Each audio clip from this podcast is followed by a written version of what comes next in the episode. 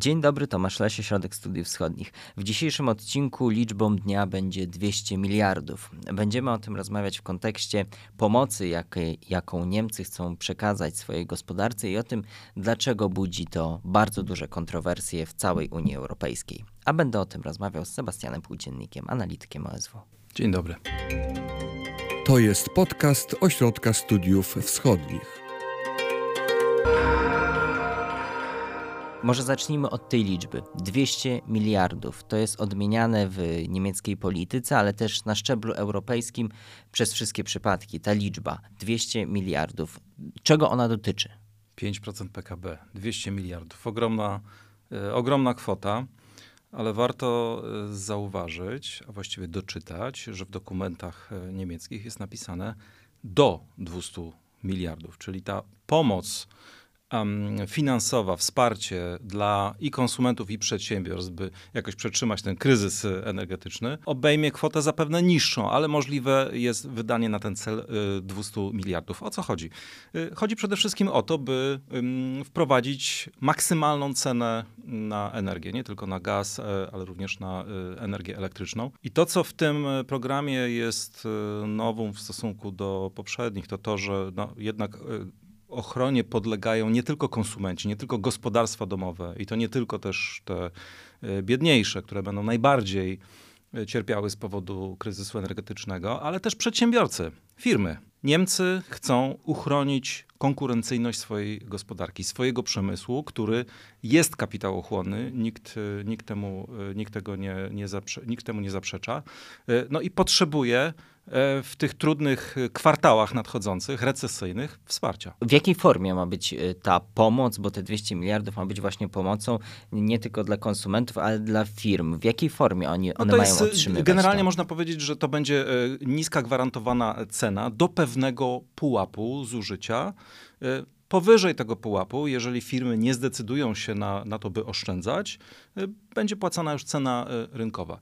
No to, to był główny dylemat właściwie y, niemieckiego rządu. W jaki sposób to przedsięwzięcie połączyć z pomocą dla, dla firm, bo skoncentrujemy się przede wszystkim na, na, na sektorze przedsiębiorstw, z zachętami do oszczędzania. No, ponieważ gdybyśmy po prostu obiecali, że będziemy y, dopłacać y, firmom do tego, by no, jednak rachunki za energię nie były aż tak y, drastyczne, no to hulaj dusza piekła nie ma. Właściwie można, można dalej zużywać tyle, co wcześniej. Natomiast tutaj, tutaj ustalono taką zasadę, że no, bierzemy wcześniejsze zużycie sprzed roku jako punkt wyjścia i 80% podlega właśnie tej um, ulgowej regulacji ta kwota jest tak gigantyczna, tak jak mówiłeś, 5% niemieckiego PKB. 200 miliardów euro robi w każdej skali wrażenie i robi także wrażenie w skali Unii Europejskiej i tutaj są pewne obawy związane z tym, jak ona wpłynie, te, wrzucenie tej kwoty w ogóle całą gospodarkę unijną, w jej konkurencyjność. Zacznijmy od tego, że to prawdopodobnie, właściwie rozwinę to, co już wcześniej powiedziałem, to nie będzie 200 miliardów. E, e, program wsparcia e, ma działać do wiosny 2024 roku i według analiz ekonomistów może 100 miliardów to jest maks, co zostanie wydane. E, raczej w granicach 60-70, z czego tylko część dla przedsiębiorstw, e, więc to nie jest kwota e, aż tak duża. Dlaczego Niemcy się zdecydowały wyjść z tą kwotą i zrobić z tego taki no, jednak polityczną demonstrację wobec partnerów z Unii? Wydaje mi się, że zdecydowało to, co się działo latem tego roku, gdy Niemcy zachęcały, prosiły wręcz partnerów z Unii Europejskiej, by zaakceptowali by zostały zaakceptowane dwa punkty. Po pierwsze, obowiązkowe oszczędności, a nie tylko dobrowolne deklaracje. A druga sprawa, takie umowy o wsparciu wzajemnym w razie braków na rynku, takie solidarnościowe. I tutaj też nie było entuzjazmu e, wobec tego w Unii Europejskiej. W związku z tym wydaje mi się, że Niemcy zdecydowały się pokazać: OK, nie chcecie tego, to proszę bardzo, E, nas stać, nas stać, prawda? Pokażemy, że możemy wydać kwotę i nie będziecie z tego tytułu zadowoleni, dlatego że to rzeczywiście oznacza, że nasze firmy będą działały w lepszych warunkach niż wasze. Ponieważ nie wszystkie kraje strefy euro, czy w ogóle szerzej Unii Europejskiej, mogą sobie pozwolić na podobny program. Niemieckie zadłużenie publiczne to jest, to jest 60 kilka procent PKB. Niewiele brakuje, by powrócić do tych kryteriów dyscypliny fiskalnej ustalonych w Maastricht i w, w Pakcie Stabilności i Wzrostu. Natomiast Hiszpanie, Francuzi, to jest powyżej 100% PKB, Włosi sto kilkadziesiąt procent PKB, Grecja prawie pod 200% PKB. Ostatnio troszeczkę te kwoty e, spadły ze względu na inflację, ale dalej to jest ogromne zadłużenie, więc tych państw nie stać na takie e, wsparcie. No i teraz pytanie, czy dalej mielibyśmy do czynienia z uczciwym, wspólnym rynkiem, gdzie jedni producenci jednego państwa są w takiej skali wspierani wobec kryzysu energetycznego, a inni nie? Krótko mówiąc, Niemcy mogliby produkować taniej niż pozostałe, e, pozostałe e, kraje.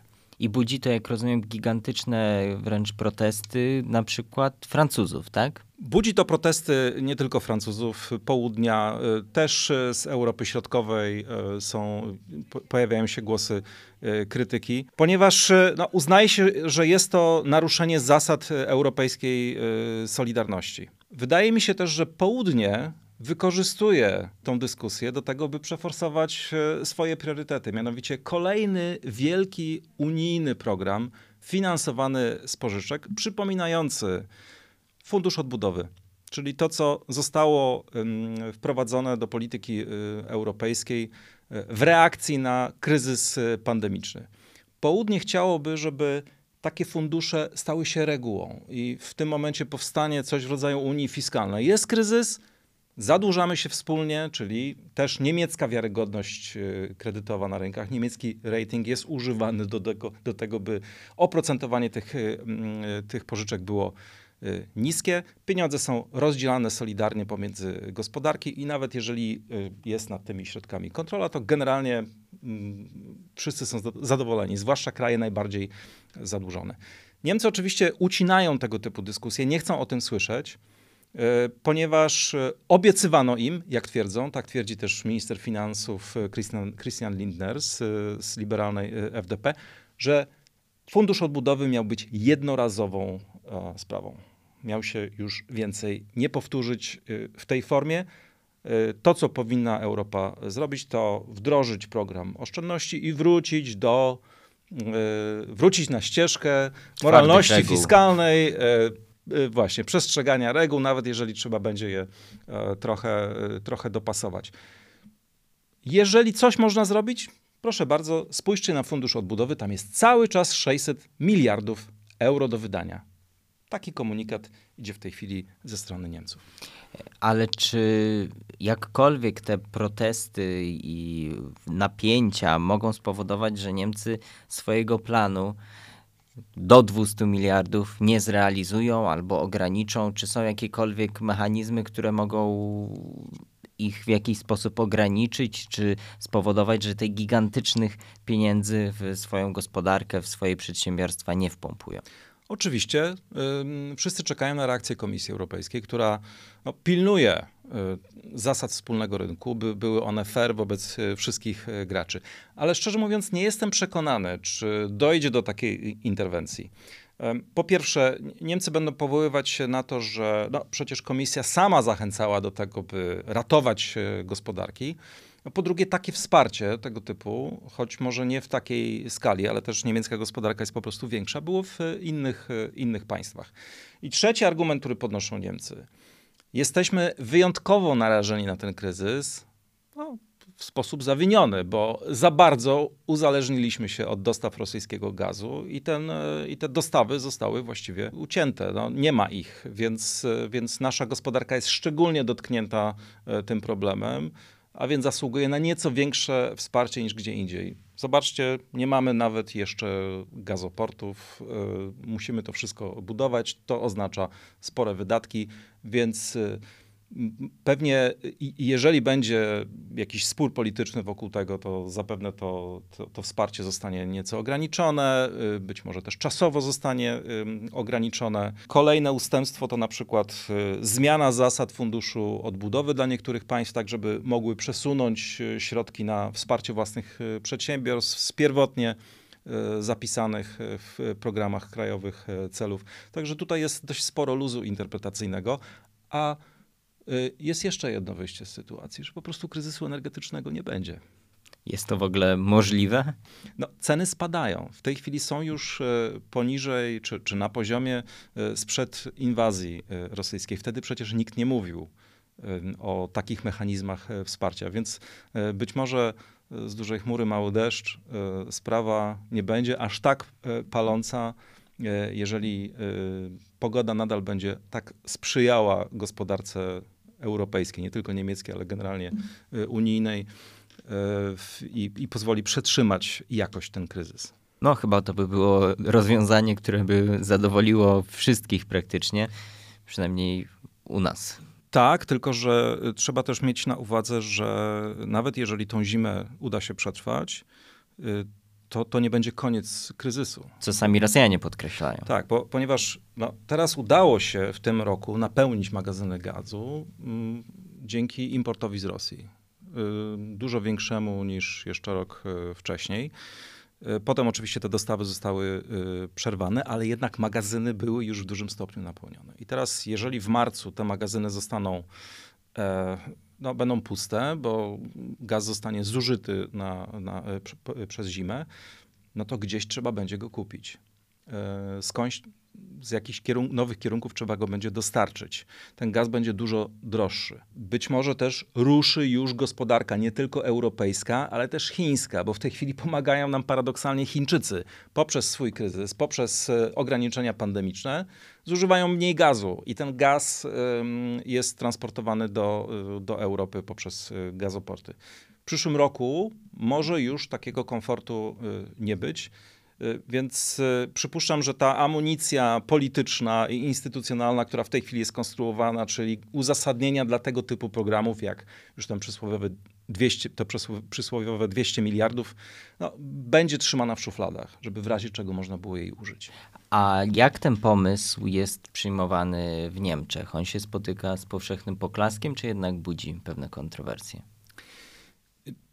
Y, generalnie ten pomysł jest y, popierany, ponieważ y, w Niemczech, jeżeli mm, patrzymy nie tylko na te argumenty społeczne, że no, obywatele zasługują na wsparcie, choć tutaj warto może krótko powiedzieć, że są kontrowersje polegające na tym, że bardzo zamożni obywatele również dostaną to wsparcie na ogrzanie swoich wielkich willi, prawda?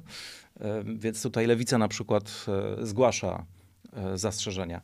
Natomiast jeżeli chodzi o przedsiębiorstwa, nie ma większych zastrzeżeń, ponieważ no, takim hasłem politycznym, które w tej chwili w Niemczech e, krąży i oczywiście straszy się nim wszystkich, małe dzieci, ale i też e, duży biznes, to jest deindustrializacja, czyli utrata przez Niemcy tego rdzenia przemysłowego, który stanowi o tym, że ta gospodarka jest też tak silna eksportem na, rynkach, na rynkach światowych, że jest w stanie tak dużo sprzedawać do, do USA, Dane wrześniowe pokazują wzrost eksportu ponad 5%. 5%.